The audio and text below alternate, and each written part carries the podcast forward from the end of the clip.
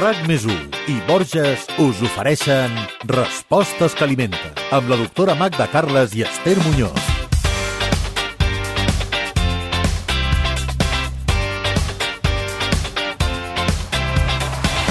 Ho sabem tots, una de les moltes conseqüències de l'actual situació sociopolítica és que la inflació s'ha disparat. Segons dades de setembre de 2022, el preu dels aliments ha pujat un 12,9% a Catalunya i això fa que per algunes famílies menjar bé sigui cada cop més difícil. Omplir el cistell d'anar a comprar és car, caríssim. Es pot menjar de forma equilibrada quan els preus estan tan disparats perquè quan hi ha menys nivell econòmic el sobrepès creix i aliments imprescindibles. Aquestes i altres qüestions les tractarem amb la doctora Magda Carles en el 48è podcast de Respostes que alimenten, que el que pretén és sobretot donar idees per gastar menys sense deixar de menjar bé.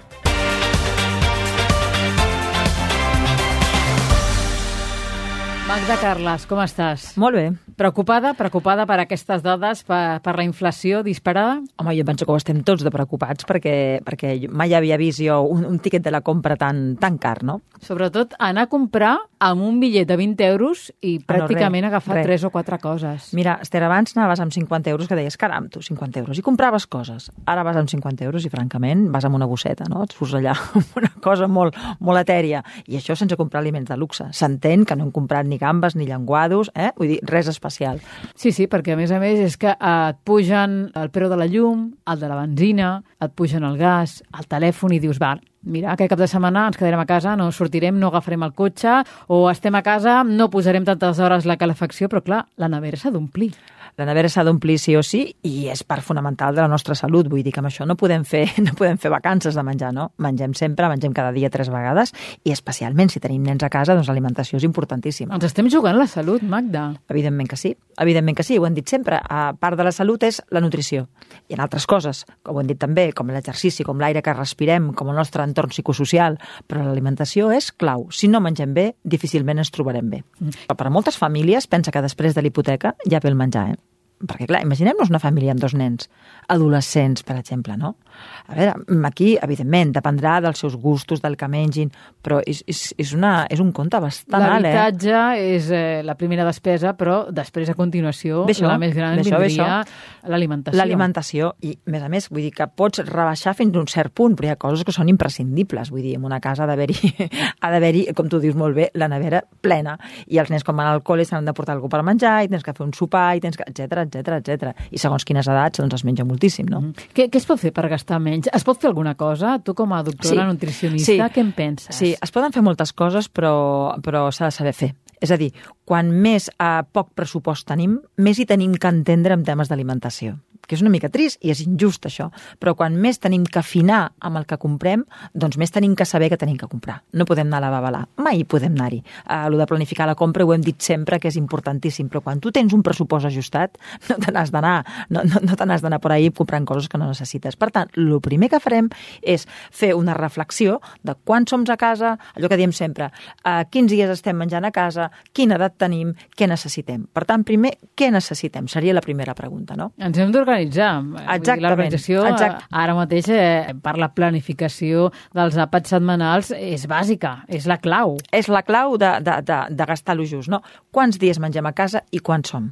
Això és el primer de tot de tot. El segon seria dir, bueno, quina edat tinc jo i què necessito, perquè no és el mateix un adolescent de 18 anys que una persona de 50. Això, això és evidentíssim. Si hi ha nens, si no hi ha nens, si fan esport, si no en fas, si hi ha alguna malaltia, si s'ha de menjar diferent, si són persones que mengem molt fora o no. És a dir, cada qual amb les seves circumstàncies. Més o menys tots podem més o menys saber-ho, no?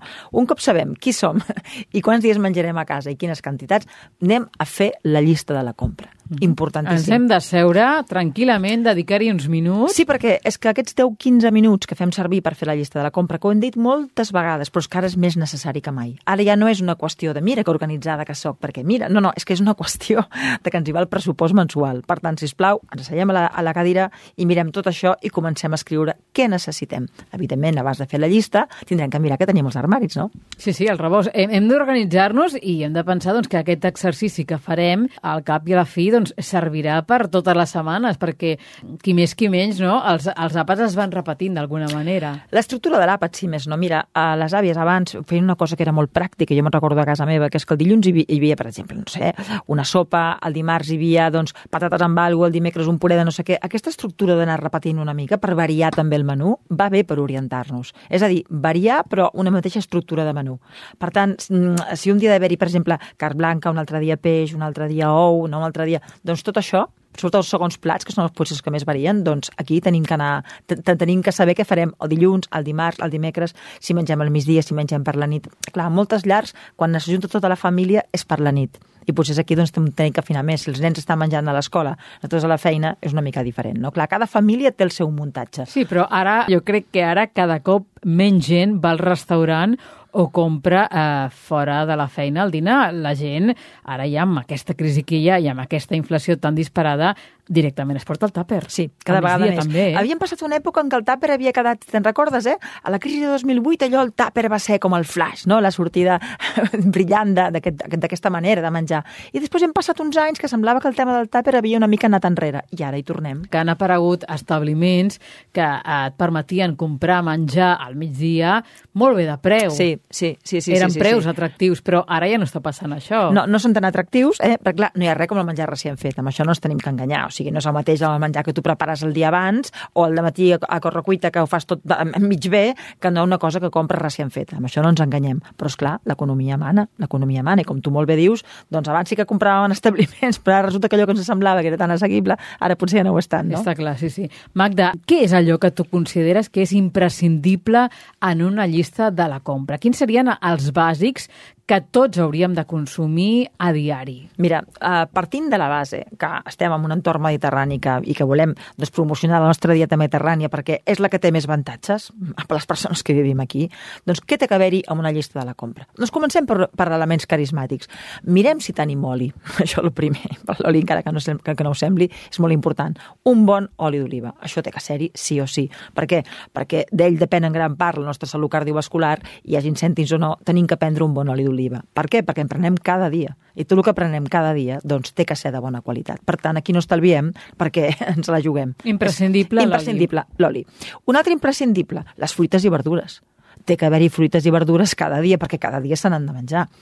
A veure, és ideal variar de fruita i variar de verdura i que siguin del temps, òbviament. Però clar, com que estem mirant l'economia, doncs intentarem que siguin fruites i verdures del temps el més assequibles possible. De temporada. De temporada, però això té que ser-hi té que ser-hi, intentant no comprar poc, però tampoc massa, que no se'ns faci malbé.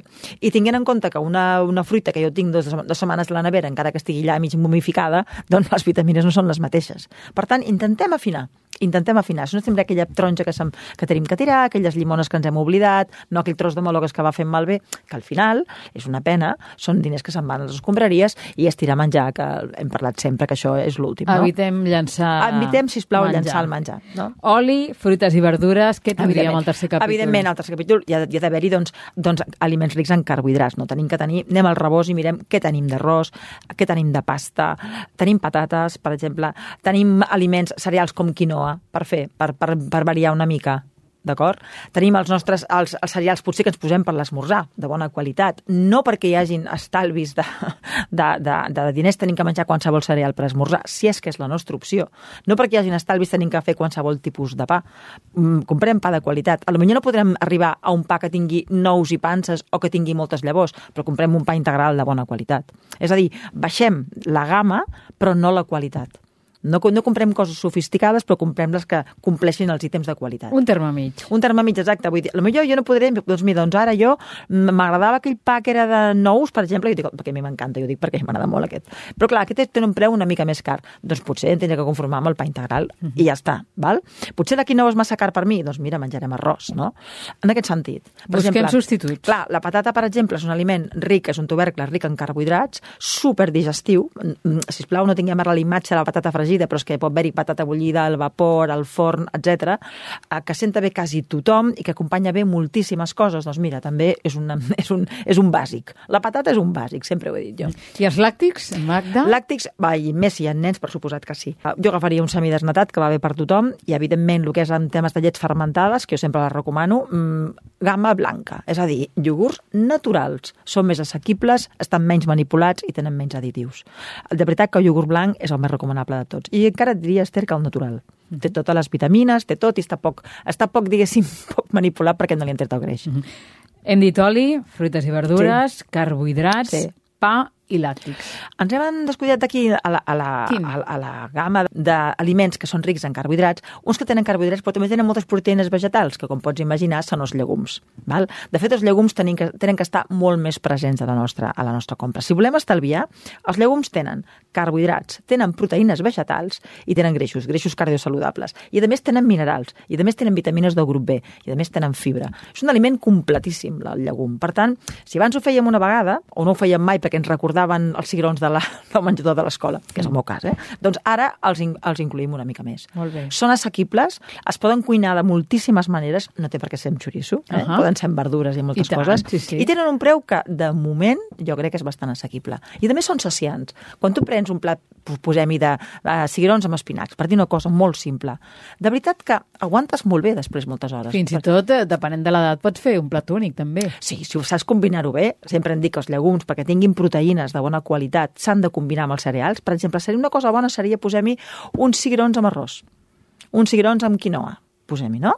Eh, això lliga bé, unes llenties amb arròs, unes llenties amb blat de moro. Aquestes combinacions que ja es feien popularment, resulta que van molt bé perquè els aminoàcids limitants dels llegums i, de, i dels cereals es complementen i es converteix en una proteïna de bona qualitat. Per tant, un plat d'estalvi, però molt bo, pot ser molt bo, és un plat bo de llenties amb arròs, que hi podem posar altres coses, però està bé aquesta combinació. Mm, Perfecte. Ens has dit, per exemple, que pel que fa a les verdures, hortalisses, fruites, doncs eh, és importantíssim que les comprem de temporada. Sí. Jo ara et pregunto, les conserves de fruita o verdura, Magda, serien equivalents a la fruita fresca? No, no perquè, clar, ja, ja, ja ho entenem, no? Quan trobem unes, unes mongetes eh, de llauna, les mongetes de llauna, òbviament, tenen un procés tèrmic perquè es conservin, amb la qual les vitamines ja no són les mateixes, i més solen tenir més additius i més sal. Per tant, la llauna, en aquest cas de verdures, m'interessa poc. El congelat estaria millor, però quasi sempre amb el procés de descongelació perdem nutrients. Ara, a veure, està bé, eh? O si vull menjar mongetes congelades, doncs està bé, però no és exactament el mateix que una cosa fresca. No hem parlat de la carn. No Tenim hem que parlar del tenim... peix. Ara ve el car. Van a, la, van a la llista imprescindibles o no? A veure, són, a veure, més si hi ha nens. Jo crec, a no ser que siguis vegetarià o siguis vegà, doncs sí que estan inclosos a la llista. Potser no cal menjar cada dia ni carn ni peix, però, home, jo a la setmana un parell de dies peix i un parell de dies carn blanca jo posaria, i especialment si hi ha nens, així de clar. El que passa és que no cal que, no cal que l'hamburguesa de pollastre, si la que compres això, faci 200 grams. És que amb 100 grams de carn en tenim prou saps? La, recordem que la ració d'ous, que són proteïnes d'altíssima qualitat, són dos ous, no és un, eh? Per tant, dos ous, una mica de carn, una mica de peix, peix blau. Recordem amb el tema del peix, que a vegades pensem que només hi ha lluç, llenguado, turbot i, i rap. Hi ha molts peixos per triar. Si tu parles amb un peixater que hi entengui una mica, vas al mercat, et dirà, miri, és que hi ha tot això que la gent no ho compra, però podria ser peix bo. Sempre ens limitem a 5 o 6 tipus de peix, n'hi ha molt més, molt més. O sigui que, a part que hi ha els peixos amb clos, que hi ha els crustacis, vull dir, hi ha molta cosa de peix per triar. Mira, una cosa assequible, rica en ferro, amb proteïnes Quina? i lleugeríssima, els musclos. I és molt assequible, per exemple. I la gent diu, ai, no, tu, tal, no? Pues està bé. Les sardines, el barat, la maire, tot això té uns preus que són força assequibles. A veure, no està regalat, però no està malament. És que ens falta educació alimentària i Clar. ens falta formació. Clar, les peixateries tindrien que tenir... A veure, està bé que mostrin molts tipus de peix. Realment hi ha molts... Si, si parlem amb un pescador, que això també seria un programa interessant de parlar amb un pescador, et dirà que hi ha molts tipus de peix, que és que no ho fan servir, ho fan servir per pinso, perquè la gent no el vol, però en canvi serien peixos comestibles. Per què sempre ens anem a lo mateix? Per la el mandra, per la i- mandra. Sí, però, esclar, si compro raps i llenguados sí que se me'n va el pressupost. Ja, ja no parlo de gambes i coses d'aquestes, ja, ja, ja és galàctic. Però eh, si anem als llenguados i el rap amb aquella cosa que no té espines, ho pagarem molt car, eh? Ho pagarem molt Ho car. estem pagant molt car, Ho estem Magda. pagant molt car. Recordem les dades que tenim del mes de setembre de 2022. Sí. Per exemple, el pa s'ha encarit un 12% des del mes de gener. Mm. Sí. Els ous, que tu ara en parlaves, Sí. També valen un 21% més. És I molt, la eh? llet, la llet, atenció, més d'un 20%. És una Clar, barbaritat. És molt, és molt, és molt, sí.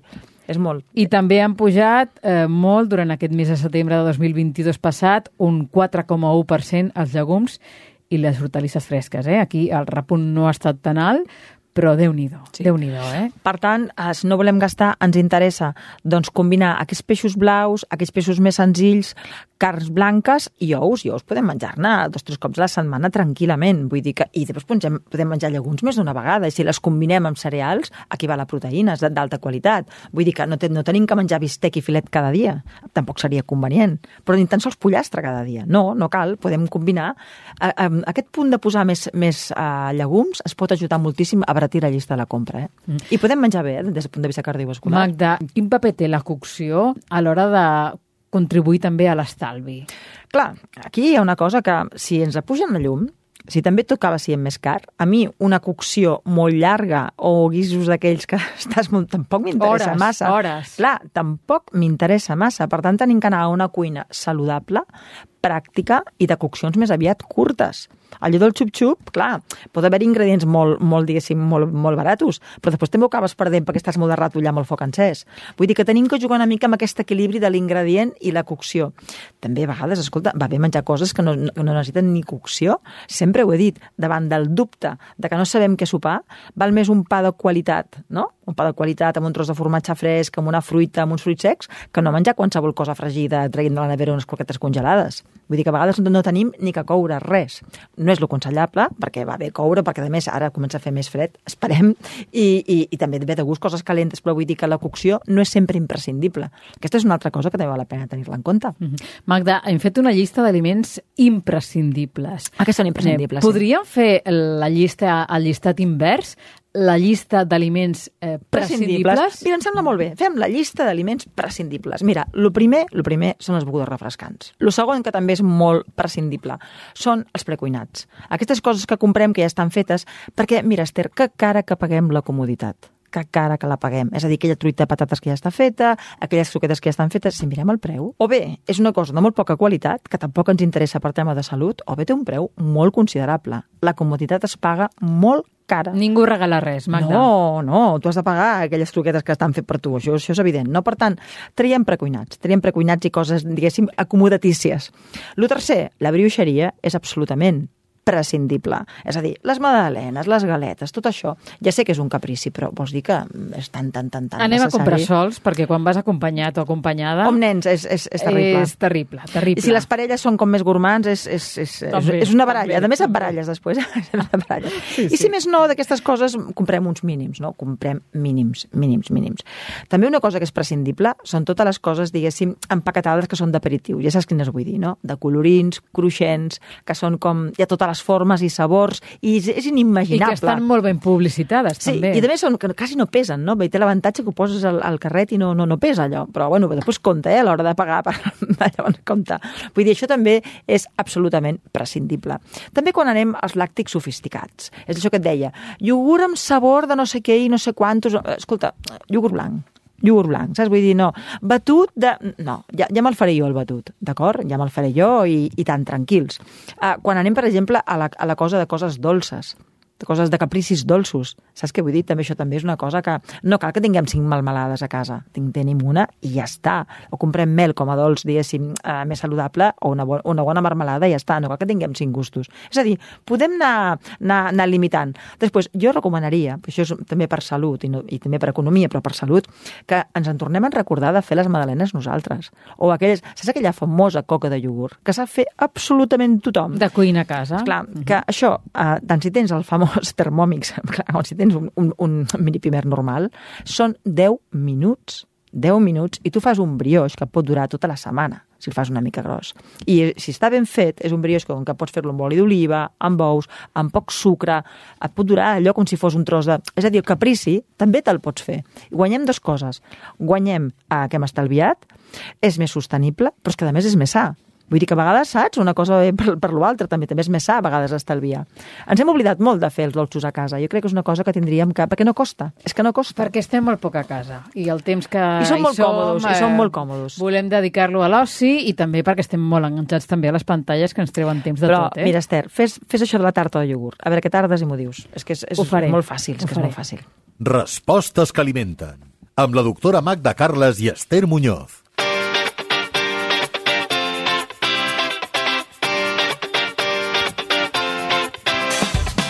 Avui al nostre podcast Respostes que alimenten hem tractat un tema que realment ens preocupa i per això ens hem preguntat què podem fer per menjar bé sense gastar tant. Magda, jo crec que podem fer un petit resum eh, perquè tota la gent que ens estigui seguint ara mateix pugui posar en pràctica tota aquesta llista de recomanacions que tu ens donaves. Sí, mira, el primer és veure què necessitem què necessitem comprar. Lo segon és fer una llista donant una ullada, evidentment, al rebost. Lo tercer, que això no n'hem parlat, però també és un tema interessant, és anar a un lloc a comprar que hi hagi qualitat, però que no et clavin que no paguis la marca o perquè està en el barri tal o perquè està de moda, sinó en un lloc que tinguin qualitat, però, en fi, que no prenguin el pèl. Val? Uh, el quart també és, uh, diguéssim, prescindir dels aliments prescindibles que hem dit, però donant-nos algun gust, perquè tampoc estem en un monestir, és a dir, limitem gustos. Algun caprici té que haver-hi, però que no sigui desbocat. De tant en quant. De tant en quant, no?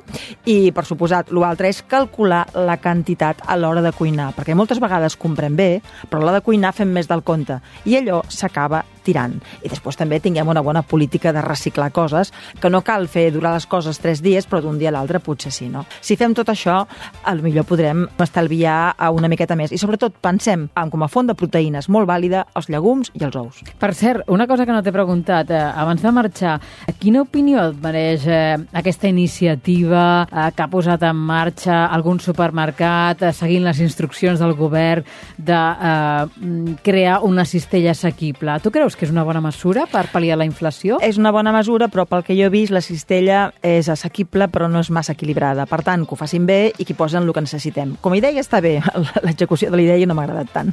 Doncs m'agrada, m'agrada saber l'opinió de la doctora Magda Carles, a, a veure si durant els propers mesos que en tornem a parlar comença a baixar aquesta inflació, comencen els preus a tornar al seu lloc i, escolta, en 15 dies parlarem, Magda, de quina és la millor dieta de la tardor. Em sembla perfecte. Que també és una bona manera manera d'estalviar, no? Sí, saber què tenim que agafar, que és el més adient, i també de cuidar-nos, no? Què ens doncs, convé. Doncs vinga, uh, bones setmanes i t'esperem en 15 dies. Que vagi molt bé. Adéu-siau. Adéu. RAC més i Borges us han ofert Respostes que alimenten amb la doctora Magda Carles i Esther Muñoz. Slot, slot, slot, és molt bo. Cuidar-se és el més important. A Borges sempre et portem els productes més naturals perquè cuidem la terra que ens els ofereix i els elaborem de la manera més sostenible possible, com la nova ampolla d'oli feta en plàstic reciclat. Borges. Que bo que és!